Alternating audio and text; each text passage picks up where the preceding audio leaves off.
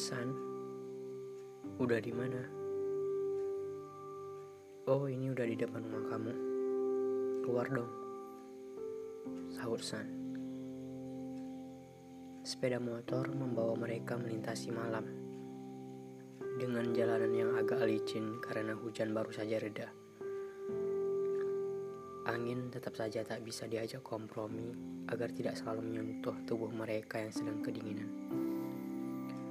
Untung Ra memakai baju yang lumayan tebal dan jaket.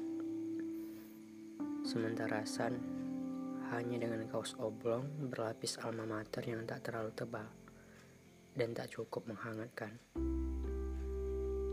Malam itu sebenarnya mereka sudah membuat rencana. Singgah ke minimarket untuk membeli beberapa mie instan dan snack. Menu paling pas di cuaca dingin seperti ini. Terlebih nggak ribet. Mereka berdua sampai di rumah.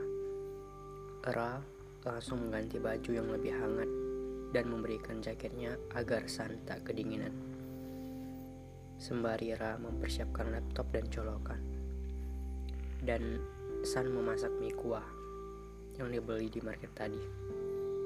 Ya, setiap bertemu dan ingin memasak, pasti San yang memasak. Karena bagi Ra, mie masakan San adalah yang terbaik. Mirip sekali dengan mie yang dimasak oleh Ibu Ra ketika dia kecil. Hmm, tak banyak yang bisa dilakukan setiap malam minggu.